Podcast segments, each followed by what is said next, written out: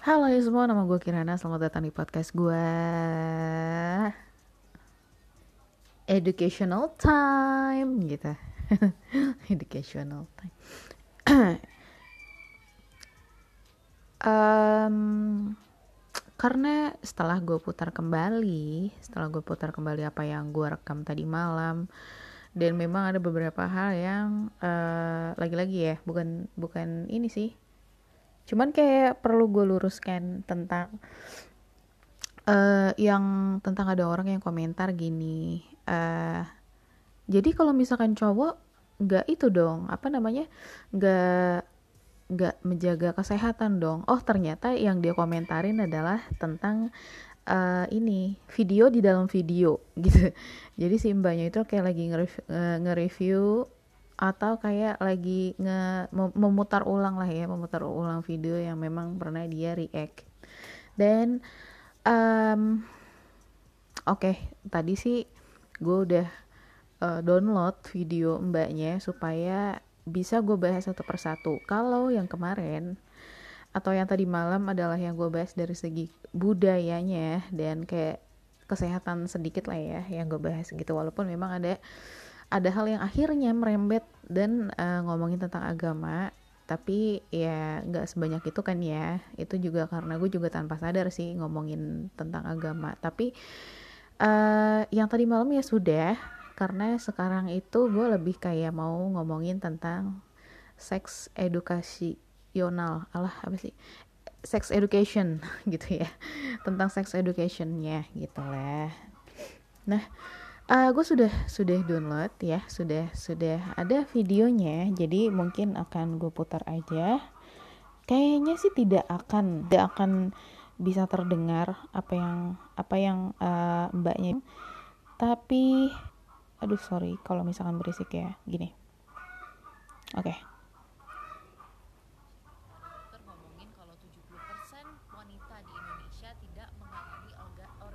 Oke, okay uh, dia bilang simbanya bilang uh, dia kayak habis nonton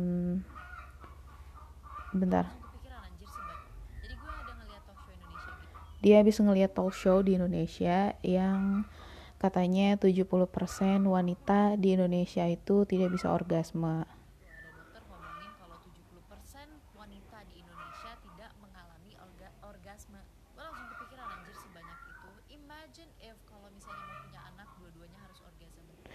imagine if kalau misalkan dua-duanya itu nggak bisa orgasme.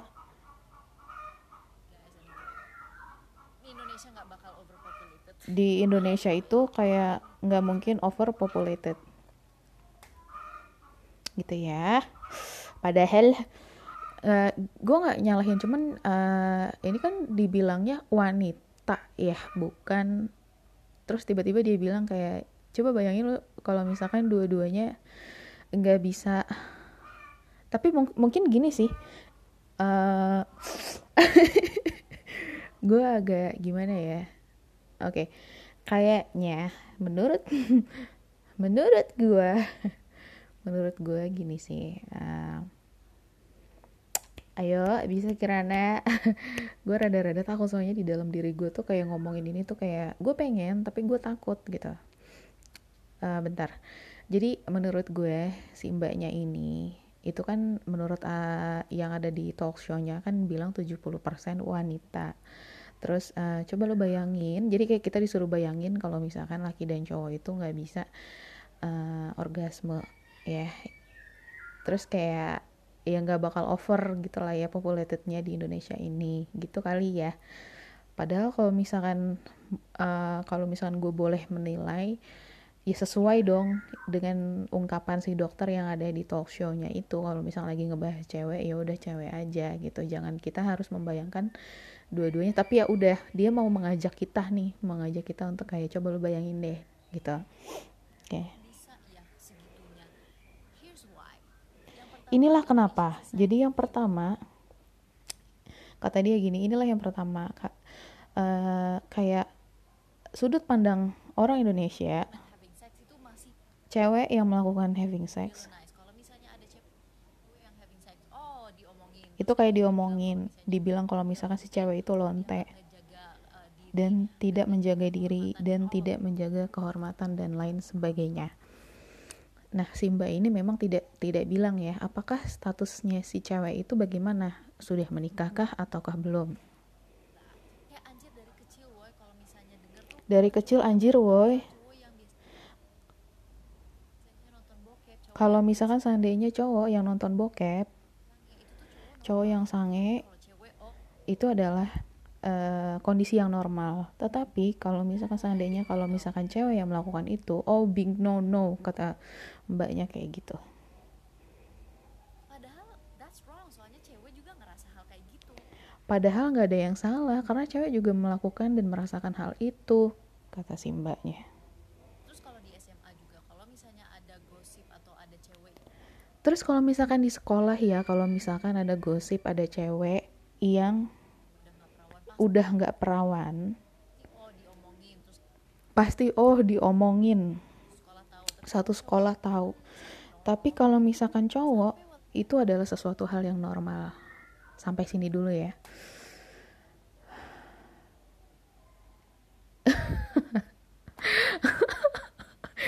Gue sampai sini gue kayak ini adalah ekspresi yang gue lakukan ketika pertama kali gue mendengar melihat video ini. Yang gue lakukan adalah ketawa, geleng-geleng sambil kayak megang jidat gue, sambil gue urut-urut jidat gue itu. Kayak Nah, kayak gitu, kayak gitu. kayak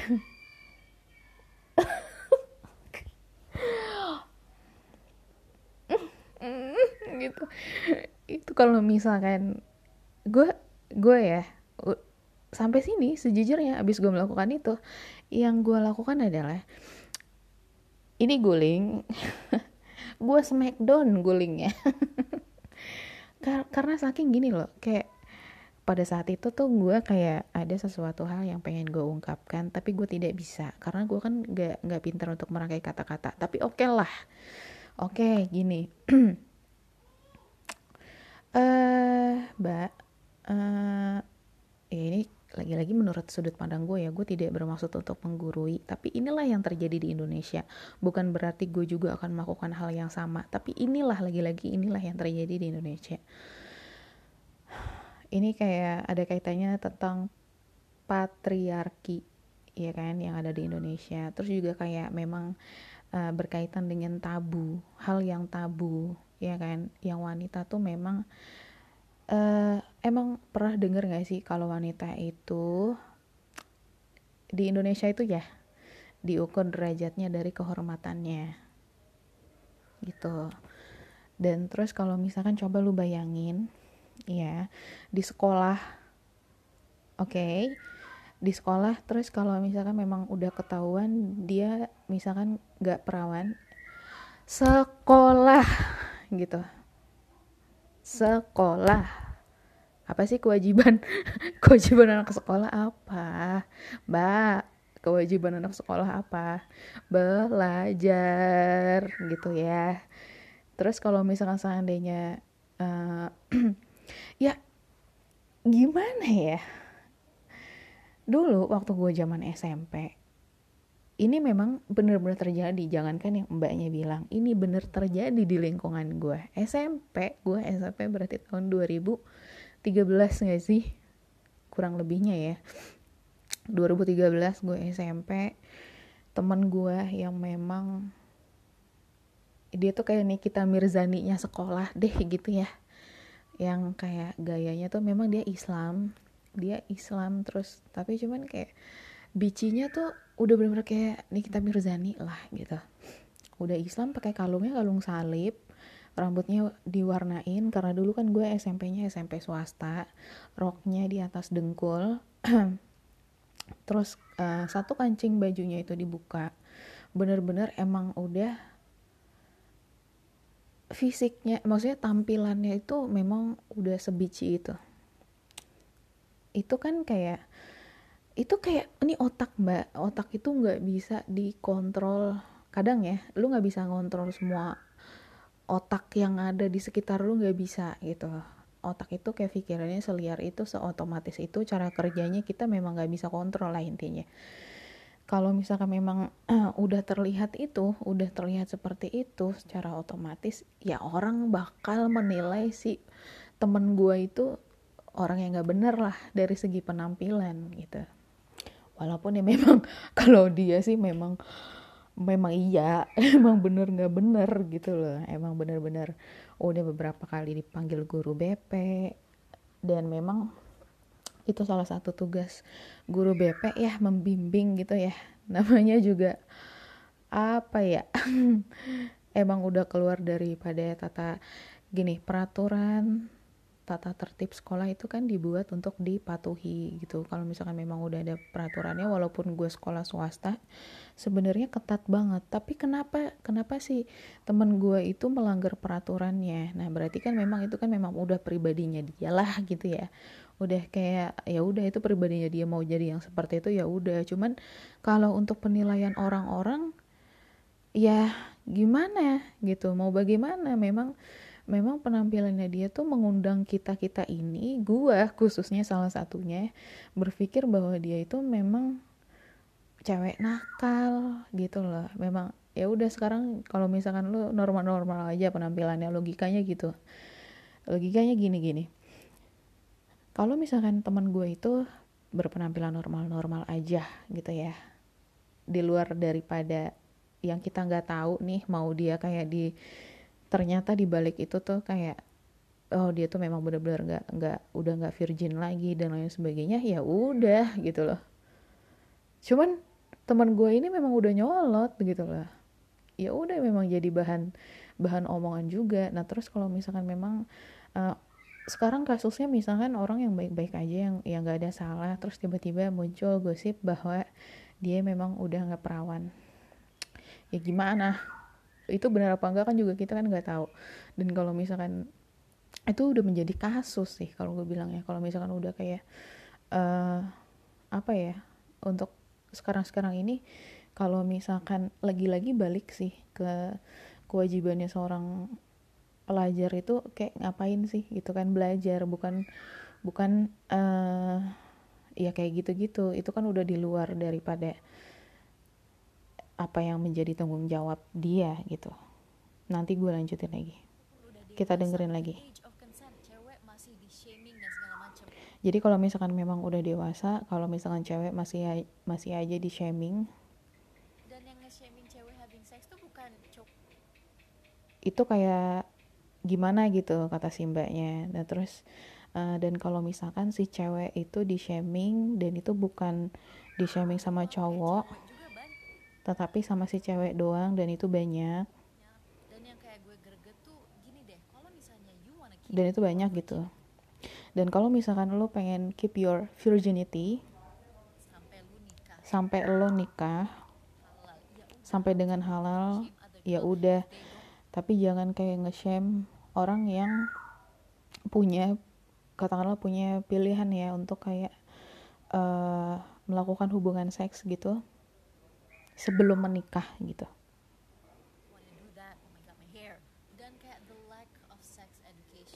Dan the lack of education sex juga di Indonesia geleng-geleng dia. Dan dia kayak nge replay video yang pernah dia uh, upload di TikToknya itu tentang why do females go to uh, the restroom after doing the nasty ya itu kayak udah oh ya udah kayak gitu doang gitu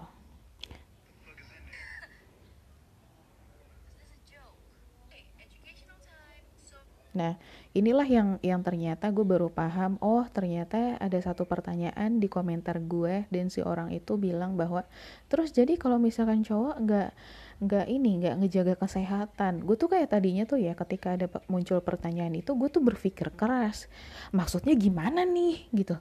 Karena yang yang yang apa ya namanya yang gue tonton dan gue terima adalah yang yang pertama itu yang tadi udah gue bahas kan. Gue mencari-cari maksudnya gimana sih? Gitu. Setelah gue bener-bener nih bener-bener gue pahamin videonya oh ternyata dia tuh bertanya tentang uh, replay video yang ini gitu. Oke. Okay. tapi itu kan juga ya gue bilang aja sih ya menjaga menjaga kesehatan. Dua-duanya juga harus sih harus menjaga ya. Karena ya ada penyakit kelamin itu tadi yang tadi malam gue bahas dan di post itu gue masih ingat di komennya banyak cewek yang kayak hmm what is UTI itu apaan tuh dan ada beberapa komen kayak oh iya cewek emang harus pipis after sex girl what nah terus um, terus si mbaknya bilang seks itu adalah sesuatu hal yang sangat tabu di Indonesia. Dan saking tabunya orang tuh kayak mau ngomongin juga. Terus tapi kayak masih kayak ya udahlah nggak usah diomongin nanti aja. Nanti juga lu bakal tahu ketika lu memang sudah menikah dan kata mbaknya tidak no. Terus uh, kata mbaknya juga seks adalah sesuatu sesuatu yang harus uh, atau pengen lo ketahuin ketika lo memang pengen punya anak. ya udah gitu. jadi seks tuh uh, sesuatu yang pengen lo enjoy gitu loh with your partner kata dia gitu persepsi orang tentang HIV aja masih nggak benar persepsi orang tentang HIV aja masih nggak benar orang-orang nggak tahu hal-hal yang simpel tentang uh, safe yang aman gitu. Makanya karena kombinasi semua. Makanya dengan kombinasi semua itu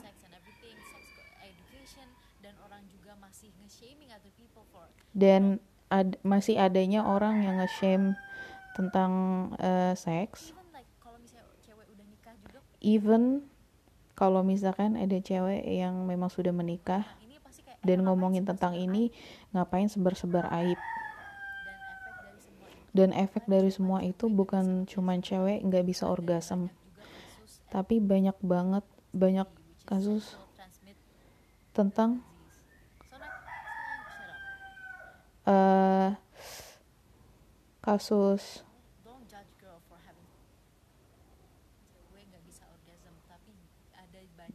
Banyak kasus STD gitu.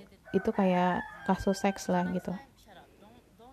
So next time shut up kata dia gitu. Don't judge bla bla bla bla bla. Oke. Okay. dan video pun berakhir.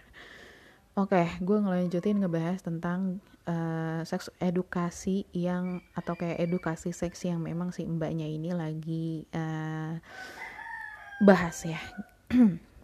Tadi tentang tadi tentang uh, pelajar gitulah ya yang kalau misalkan ketahuan memang udah nggak perawan terus di shame lah gitu ya di kayak diomongin dan digosipin dan lain sebagainya. Gue sudah bahas terus kalau misalkan seandainya uh, si mbak ini bilang uh, apa kalau misalkan langsung aja kali ya. Kalau misalkan seandainya uh, walaupun yang udah nikah tadi ya kata si mbaknya gitu ya. Kalau misalkan seandainya udah nikah itu menjadi sesuatu hal yang uh, apa tuh namanya? Kayak seharusnya gak boleh diomongin karena itu kan ini apa kayak ngumbar-ngumbar aib. Nah ngumbar aib gue bingung. Maksudnya lagian juga kan beberapa beberapa hal itu memang gini sih. Gak boleh sih memang kalau misalkan ini dari nenek gue ya tapi tahu deh ya ini kan namanya juga balik lagi ke adat ya budaya adat dan lain sebagainya sih gue nggak tahu faktor mana nih yang perlu gue ambil pun juga takutnya gue salah. Cuman ajaran dari nenek gue itu mau masalah pribadi apa pun itu lebih baik memang nggak perlu diumbar-umbar sih mau itu perihal ya cuman cerita aja. Lu bawa benderanya bendera apa nih? Lu pengen cerita aja atau bener-bener itu bentukannya aib atau bener-bener apa nih gitu kan. Itu nggak boleh memang nggak boleh gitu nggak cuman kayak seks doang gitu. Uh, bahkan gue pernah ngeliat quotes yang dibuat dari Billy Ellis bahwa Billy Ellis. Billy Ellis ya udahlah. Ya penyanyi itu tuh yang penyanyi yang rambutnya rame banget dah gitu ya. Nah si Billie Eilish itu. Uh, Billie Eilish pernah bilang bahwa uh, coba takutnya gue salah nih ntar gue diomelin lagi sama si Billy. Bentar bentar bentar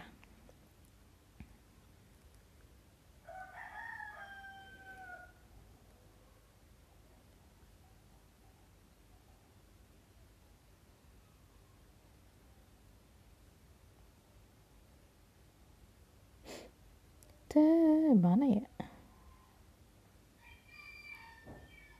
Aduh. Yang mana ya?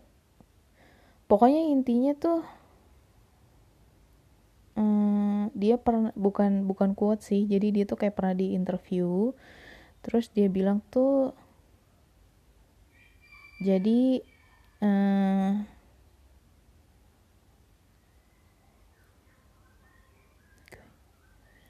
pokoknya tuh kayak gue sih aduh lupa ya. Tapi takutnya tuh gue salah gitu. Iya nggak tahu deh.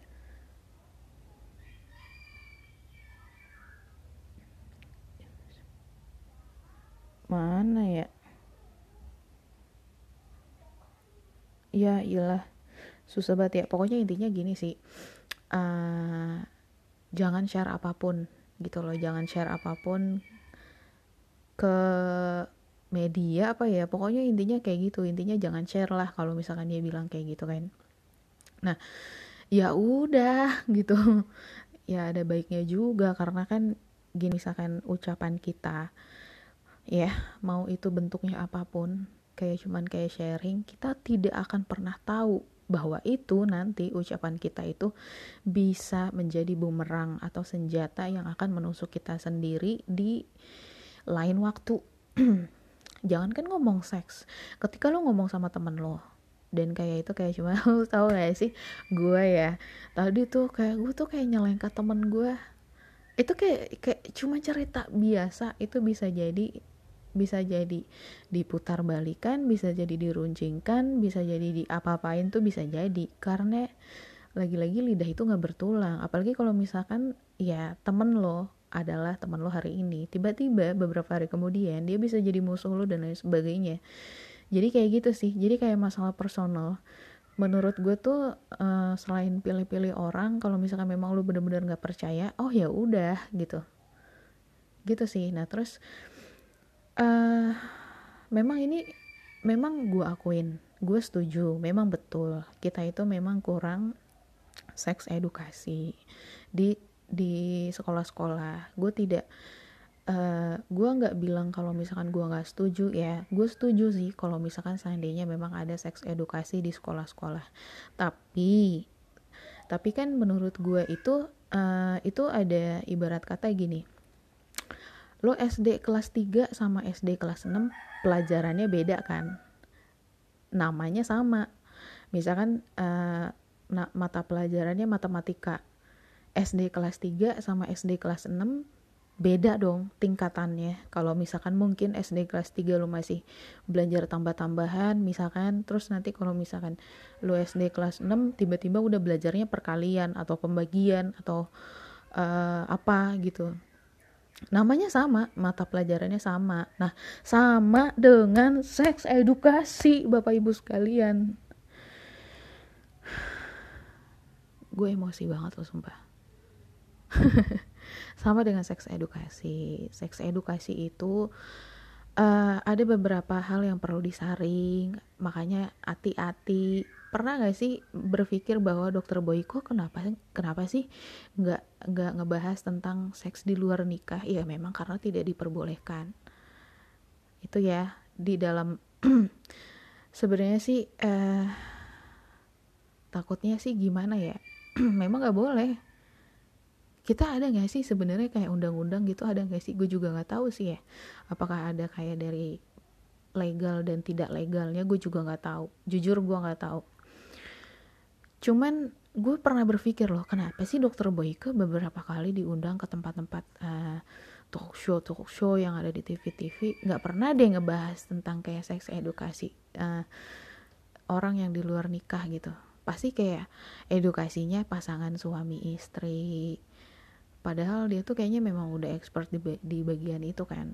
Ya kan? Pasti uh, ya udah paling si dokternya bilang ya udah pakai pengaman ya guys sih? Kayak pengaman itu kayak uh, atau guanya yang nggak tahu gue juga nggak tahu. Tapi sepanjang gue melihat dokter Boyke itu kayaknya kayaknya kok nggak pernah ya gitu. Gue pernah berpikir kayak gitu. Gue pernah. Nah terus uh, setelah gue berpikir lagi berpikir lagi berpikir lagi dan balik lagi tentang bahasan uh, pendidikan seks di um, apa namanya di apa ya pendidikan seks dini lah ya gitu itu memang uh, harus disaring banget. Nggak yang misalkan misalkan nih ya kelas 6 ada satu nyempil ibarat kata kalau misalkan belajar bahasa tuh mulok tiba-tiba ada sex education kelas 6 SD gitu misalkan. Uh, menurut gua SD itu baru kayak sepanjang oh nanti kalau misalkan seandainya uh, lo bertemu dengan orang asing dan orang asing itu menyentuh-nyentuh tubuh lo, lo nggak boleh ya, lo harus menjauh ya. Itu salah satu seks edukasi juga. Tapi kan memang ada tingkatannya. Misalkan kalau SD kayak gitu, ya gue nggak tahu juga sih ini mah kayak pemikiran gue doang gitu. Misalkan kayak gitu, ya. Terus kalau misalnya seandainya lo nanti uh, selain kayak dipegang-pegang kayak gitu, jangan mau kontak mata dengan orang yang kita gak terlalu kenal juga gak boleh dalam artian juga kan itu juga memancing karena kita gak tahu di luar daripada uh, kita berkomunikasi ada yang disebut namanya body language ya kan nah itu tuh juga kadang kan ngebuat orang tuh salah paham juga takutnya kayak gimana gimana mungkin mungkin ada pelajarannya seperti itu Oke, itu SD. Ya udah sebatas itu dulu. Kan pelan-pelan. Ya, nggak bisa lo yang kayak langsung ya tiba-tiba SMP ya. Iya, jadi nih ya anak-anak, ya nggak boleh main celup itu titit ya. Itu titit kayak jangan dikeras-kerasin dulu ya, jangan dikocok-kocok. Enggak, enggak, enggak, enggak, enggak. enggak kayak gitu kan. Iya kan gitu.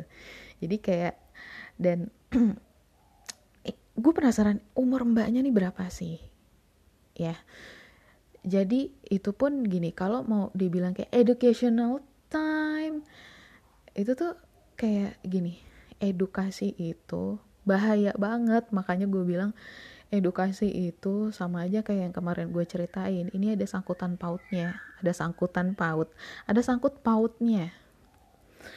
Dengan uh, kayak yang gue cerita tentang Mary Riana itu mungkin dia beliau itu lagi blunder nah terus sama dengan edukasi seks ini. Edukasi seks bagi gue itu nggak bisa sembarangan di seberluaskan. Nggak bisa uh, misalkan gini sekalipun lu udah habis belajar gitu lah ya. Kayak uh gue dapet ini nih dari misalkan dari YouTube gitu. Terus gue mau tiba-tiba gue kayak mau bikin edukasi seks ah gitu. Kayak gue share ah gitu menurut gue nggak bisa. Menurut gue nggak bisa sembarangan kayak gitu. Kenapa? Lagi-lagi karena penikmatnya itu belum tentu uh, bisa sejalan dengan pemikiran lo gitu. Bisa kayak bisa benar-benar menerima apa yang lo lagi share gitu. Kalau gue gue masih bisa-bisa aja. Walaupun memang sekarang gue lagi mengoment mengomentari lah ya apa yang lagi lu share gitu. Gue bisa terima apa yang lagi lu share tuh gue terima. Karena sedikit banyak memang apa yang lu sampaikan itu ada ilmunya buat gue juga emang ada gitu. Ya contohnya oh ternyata 70% ya. Nah itu kan gue juga baru tahu oh ternyata wanita di Indonesia 70% ya. Nggak nggak itu nggak nggak apa namanya? Ya nggak itulah pokoknya ya gue lupa dah tuh. Nggak kayak gitu. Nah itu kan berarti kan ada manfaatnya juga tuh buat gue salah satunya itu. Nah tapi kan uh, dia nggak cuma ngebahas itu kan nggak bahas tentang kayak tentang pengetahuannya aja. Tapi dia juga merembet dan mengomentari dan bertanya tentang kenapa sih orang-orang kok gini gini gini. Kalau misalkan ada cewek yang udah punya komitmennya sendiri uh, doing sex di luar dari nikah gitu.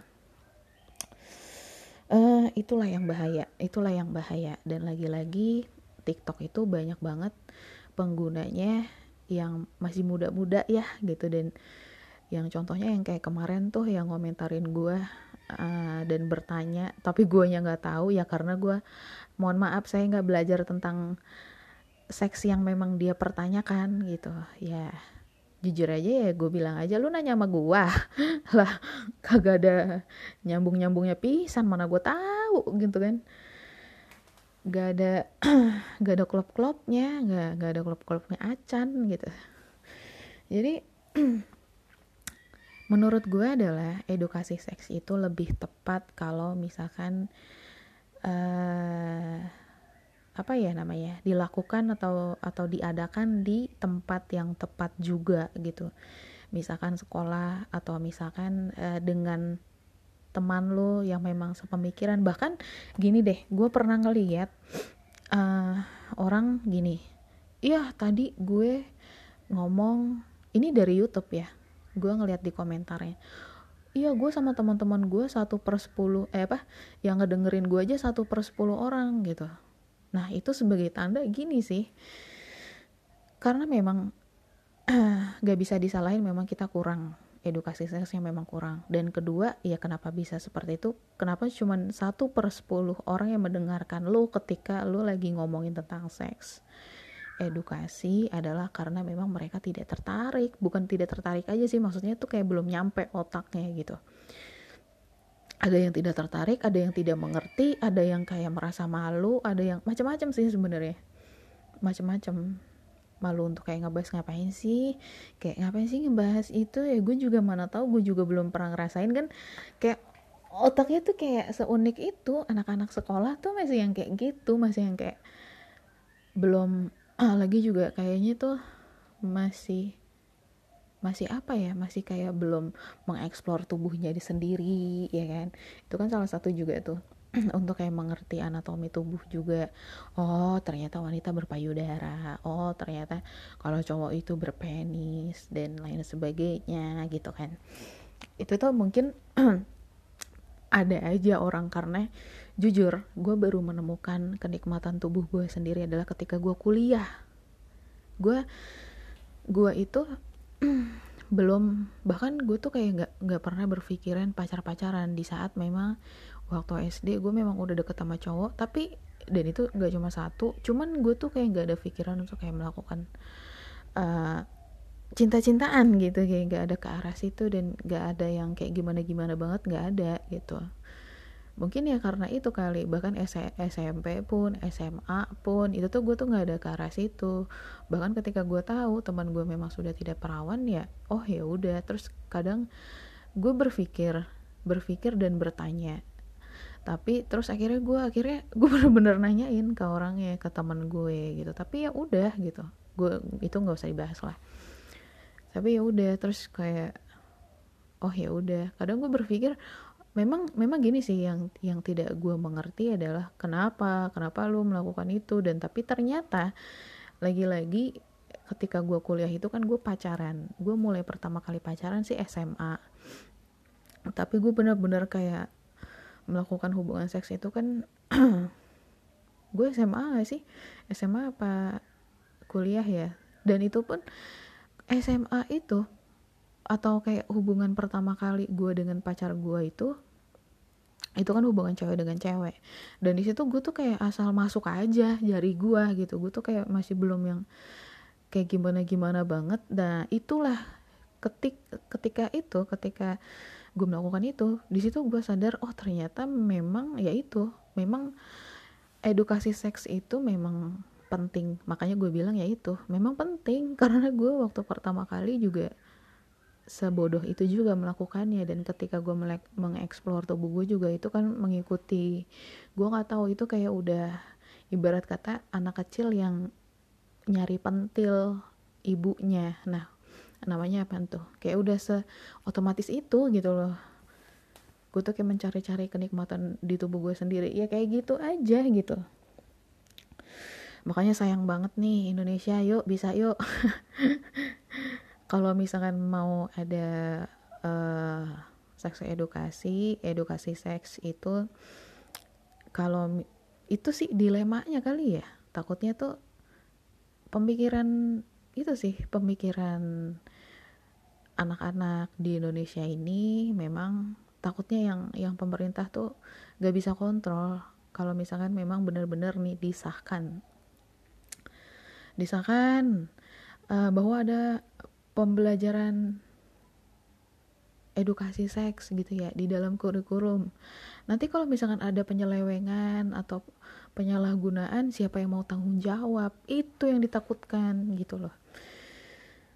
Karena kan gak bisa dikontrol semua, ya kan? Takutnya nanti uh, udah disalahgunakan karena gak sejalan gitu ya. Ya iya gak gak bisa lu gak bisa. Lu gak bisa menyamaratakan lu gak bisa ngebuat orang ayo yuk sejalan yuk kita belajar ini yuk. Tujuannya gak bakal bisa sama semuanya pasti ada yang beda gitu. Ada yang kayak tiba-tiba melenceng itu pasti ada gitu loh. Itulah itulah kenapa mungkin ya itu ini pemikiran gue mungkin kagak disah-sahin nggak pernah diadain ya kayak gitu. Gitu. Nah, se selain tempatnya harus tepat, lagi-lagi yang patut, yang pantas memberikan edukasi adalah orangnya benar-benar memang uh, di bidangnya sih menurut gue. Kayak gak bisa sembarangan, ayo gue pengen memberikan edukasi, yuk dengerin gue. Gak bisa juga sih. Menurut gue yang tepatnya ya. Bukannya gak bisa, bisa. Cuman kayak kurang tepat gitu kurang tepat aja gitu jadi kalau misalkan ya takutnya jadi kayak gini sangat bahaya gitu tapi ya udahlah tapi ya udahlah apa yang terjadi? Terjadilah kita memang ini kan namanya juga media sosial. Semua orang berhak memberikan pendapatnya. Semua orang berhak untuk sharing apa pun di media sosial.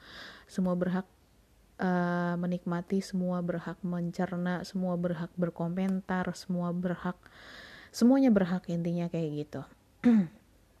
Dan gue tuh penasaran uh, yang komentar-komentar uh, dari golongan mana sih gitu. Dan yang ngomentarin komentar gue kebanyakan orang eh, orang-orang yang suka Korea. Tapi gue nggak nyalahin itu sih cuman dan itu kayak masih muda-muda gitu. Berarti kayaknya mereka lagi butuh banget untuk dan ini kayak sesuatu hal yang menarik sebenarnya bagi mereka gitu ya. Gue tuh kayak berpikir dan bertanya sendiri oh berarti bahasan ini sebenarnya mereka butuh gitu. Cuman sayangnya uh, kayaknya perlu di agak agak gimana ya? Kalau ngomongin norma agak perlu dilurusin sih gitu. Jangan sampai ada kesalahpahaman ketika mencerna gitu kan. Terus karena kan banyak banget yang mendukung mbaknya nih. Itu sayang banget kalau sampai ada anak-anak atau remaja remaja-remaja gitu ya salah paham tentang arti daripada yang disampaikan mbaknya. Mungkin maksud mbaknya uh, ya lo intinya jangan ngejudge gue deh atau kayak jangan ngejudge orang yang punya paham berbeda dengan diri lo gitu. Tapi uh, bahaya sih mbak gitu. Tapi ya udahlah gitu. Ya tujuannya mulia gue sangat sangat kagum juga si mbaknya itu bisa menjelaskan dengan uh, keren dengan bagus gitu ya. Dengan seberani itu gitu. Gue salut sih sama mbaknya. Jadi ya udah seperti itu. Gue gue tidak ada maksud untuk apa apa ini dari sudut pandang gue pure dari sudut pandang gue jadi kalau misalnya memang ada kesalahan lagi-lagi gue tolong dimaafkan dan bahasan ini benar-benar selesai. Kalau bahasan tadi malam tentang kebudayaan dan lain sebagainya bahasan kali ini tentang seks dan gue sudah bahas tentang seks tersebut ya. Jadi uh, sampai ketemu lagi di case gue selanjutnya. Bye bye